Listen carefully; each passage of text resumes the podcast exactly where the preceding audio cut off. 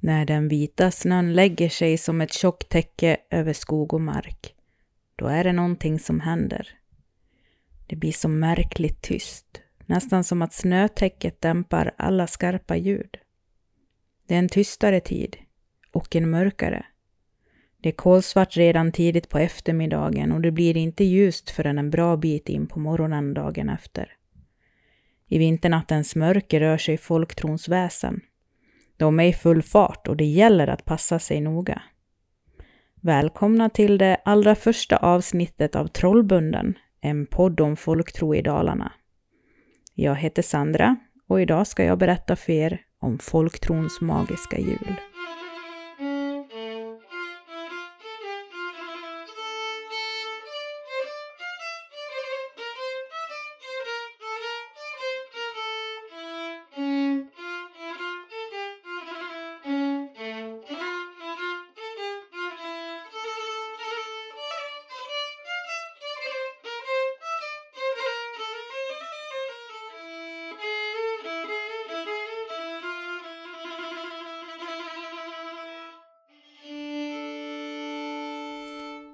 Många av årets högtider är sammanlänkade med folktro och vidskepelse, och kanske allra mest julen, skördeårets avslut. Med vintern kom tiden för alla julförberedelser, men också en tid omgärdad av just vidskepligheter.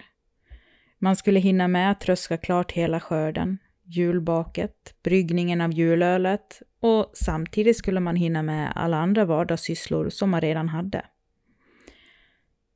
Samtidigt skulle man under vissa dagar vara stilla för att inte störa. Advent var en sådan tid då man skulle hålla sig lugn. Man fick inte hålla på med högljudda arbeten då, för då kunde björnen vakna ur sin vinterdvala, som man sa här i Dalarna. En av sysslorna handlade om att baka såbröd, och det finns lite olika traditioner kring detta. I södra Dalarna skulle bröden bakas av rågmjöl och ojäst vört och dekoreras med degslingor formade till kors och cirklar. Så bröden torkades så de inte skulle mögla och stod uppresta på julbordet på julafton. Men de fick inte ätas upp. Istället skulle de efter jul läggas ner i sädesbingen och när våren kom, när det var dags att så, så skulle de malas sönder och ätas upp då. Åt man av såbrödan på våren så blev man stark och orkade med det hårda arbetet under sommaren och hösten. Tiden runt Lucia var den farligaste under hela vintern. Det kom sig av att vi innan kalenderreformen hade årets mörkaste natt kring Lucia. Under den natten kunde man stöta på olika sorters väsen och man kunde bli bergtagen av trollen om man inte var försiktig. Det här var natten då skam, alltså djävulen, hade makten och man kunde råka ut för både det ena och det andra. Lucia, som den vitklädda ljusbringaren, är en relativt ny företeelse. Hon hör inte hemma i den gamla folktron på samma sätt som berättelser om andra av våra väsen gör. Istället så pratade man om Lussigumman och hon förekommer på flera platser runt om i Sverige. En otäck, nästan häxliknande gammal gumma som skrämde barnen. I Grangärde kom lussigumman med sin linhäckla om inte barnen satt stilla när mor skulle kamma löss i håret. Lussigumman var inte lika försiktig som mor. Hon kammade så blodet rann med sin linhäckla. Och det finns berättat att på en del gårdar hade man till och med någon till att klä ut sig till lussigumman och stå utanför fönstret med linhäckla i handen för att skrämma barnen till lydnad. Men alla väsen är inte fullt så luriga och otrevliga. Vi har ju tomten också. Fast inte den där tomten i röda kläder som kommer med julklappar till alla barnen, utan jag tänker på gårdstomten. Den fantastiska Otto Blixt har i en av sina texter om tomten skrivit om när han själv var pojke och frågade sin mormor vad tomtar är för någonting egentligen. Hon berättade att det var någonting hon själv hade frågat sin pappa när hon var liten och han hade svarat att tomtar, det var avlidna förfäders andar eller själar som kom till snälla och hjälpsamma människor för att hjälpa dem så det skulle gå bra för dem i livet. Gårdens rådare beskrevs ofta som en liten man av de som har fått syn på honom. Enligt Otto var han ungefär 9 decimeter hög. Han var ofta gråklädd och åtminstone här i Dalarna hade han ofta röd luva med en liten tofs. Han hade en övermänsklig styrka och hjälpte till med att sköta om gården och djuren. Och han var för det mesta sträng men rättvis. Och han kunde bli riktigt vrång åt den som inte gjorde som man ska, eller som var elak åt gårdens djur. Samtidigt var det ingen idé att försöka ställa sig in hos gårdstomten. Vi har väl alla hört talas om den lilla Junke i Säfsnäs som fick nya kläder av gårdsfolket och som sen tyckte att han var alldeles för grann för att jobba med djuren. Så man ska akta sig för mutor. Men lön lär man ändå betala till tomten och den ska betalas till jul. Då ska han ha god mat och kanske lite tobak. I södra Dalarna lät man maten stå framme och lämnade dörren olåst så han kunde komma in och ta för sig. Men det fanns också de som ställde ut mat åt honom där de visste att han höll till. På aspfallet bar husmodern ut maten till gårdstomtarna i en liten obebodd stuga på gården. Lutfisk och gröt skulle de ha. En av pigorna som såg husmodern bära ut mat blev vid ett tillfälle så nyfiken att hon smög till stugan på kvällen och kikade in genom ett fönster. Där inne var det fest. Ett helt litet sällskap av små män med röda luvor som roade sig och åt av maten. På vissa gårdar lämnar man maten framme på bordet hela julnatten. Men det var inte för tomtens skull, utan för de döda familjemedlemmarnas själar, för de kom på besök under julen.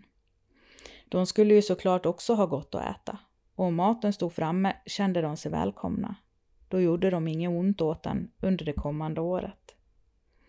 I Leksand dukar man dessutom under bordet för julbocken och man la ut en halmkärve för honom att ligga på. Julfriden började den 21 december under Tomasmäss. Tomasmäss kallades också för tomtemäss och det var den natt som tomten hade makten. Från Nås kommer berättelsen om en bonde som i slutet av 1700-talet åkte till en kvarn för att mala. Kvarnen gick inte igång och när bonden såg efter så såg han en liten kvarntomte sitta och spela fiol så vackert.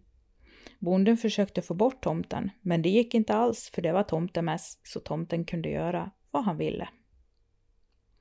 Och nog finns det tomtar än, även om de kanske inte syns lika ofta. Man behöver bara veta vad man ska titta efter. På en gård här ute i Hoberg håller gårdstomten fortfarande till. Gårdens ägare har berättat att man mer än en gång kommit ut i lagom på morgonen bara för att upptäcka att korna som stått tjurade inte står kvar i det bos där man lämnat dem. Istället har gårdens rådare bytt plats på korna och det är ju inte ett helt enkelt jobb. Och han har dessutom tjurat dem på den nya platsen.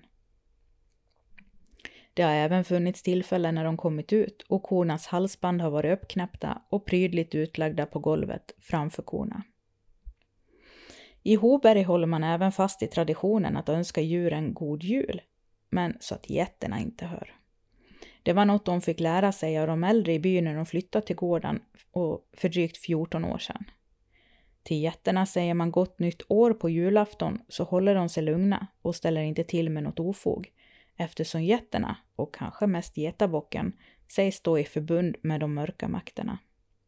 Det här är en tradition som det även berättas om i Malung och som alltså lever vidare in i vår tid.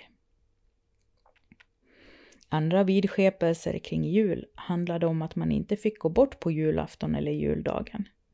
Gjorde man det kunde man vara säker på att nästa jul skulle det finnas en person mindre i familjen. Samma gällde om juleljusen slocknade. De skulle brinna hela natten. Om något ljus slocknade så skulle någon dö under nästkommande år.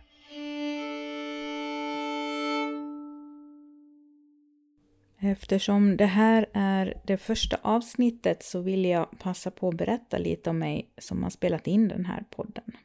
Jag heter alltså Sandra Kristiansen och jag bor i Ludvika, södra Dalarna. På min fritid sysslar jag med det här projektet om folktro som jag påbörjade under hösten 2019. Redan då sa jag i en bloggintervju att jag var lite sugen på att göra en podd med material från projektet men det har alltså tagit så här lång tid för mig att komma till skott. Jag har pratat i radio förut och jag är inte särskilt rädd för att prata inför andra. Men det är någonting med att spela in sin egen röst med dalmål och allting som känns väldigt obehagligt. Men jag gjorde det till slut. Trollbunden är ju ett ord med fler betydelser. Det kan betyda att man är tagen av trollen, men det kan också betyda att man är väldigt fascinerad av någonting. Och det är väl vad man kan säga att jag är. Mitt första möte med vår svenska folktro och våra sägner var genom berättelserna om Murbergsjätten som vi alla fick läsa om när vi lågstadiebarn skulle lära oss mer om vår hemkommun. Jätten ska ha bott i Norrberke socken i Smedjebacken och när han tröttnade på kyrkans evinnerliga ringande varje söndag så slungade han en sten på kyrktornet så tornet fick en liten lutning. Stenen landade i sjön Barken och där ska den enligt berättelsen ligga kvar än idag. För mig var det där inte bara en berättelse. Det var en berättelse som kunde kopplas till min plats i världen.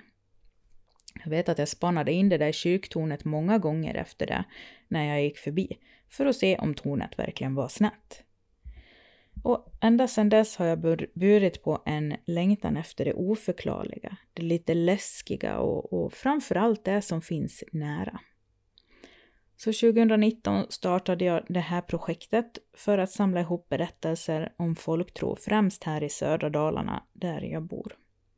Och jag hittade så mycket mer material än jag trodde fanns. Eh, nu är jag involverad i ett lite större projekt om folktro i hela Sverige. Men jag vill ändå tillgängliggöra det materialet jag samlar ihop om Dalarna. Och därför startade jag den här podden. Mitt projekt finns både på Instagram under namnet Folktro och på Facebook på sidan Folktro i Sverige. Det är på Facebook jag kommer lägga ut information om de källor jag använt till varje avsnitt. Och med det sagt börjar det bli dags att avsluta det här alldeles första avsnittet. Jag hoppas att eh, du som lyssnat har fått lite inspiration inför årets julfirande. Se till att införskaffa LED-ljus så du kan låta ljusen lysa hela natten. Duka fram lite extra mat så det finns till både tomten och de döda. Och glöm inte att önska god jul till alla djur utom till getterna förstås.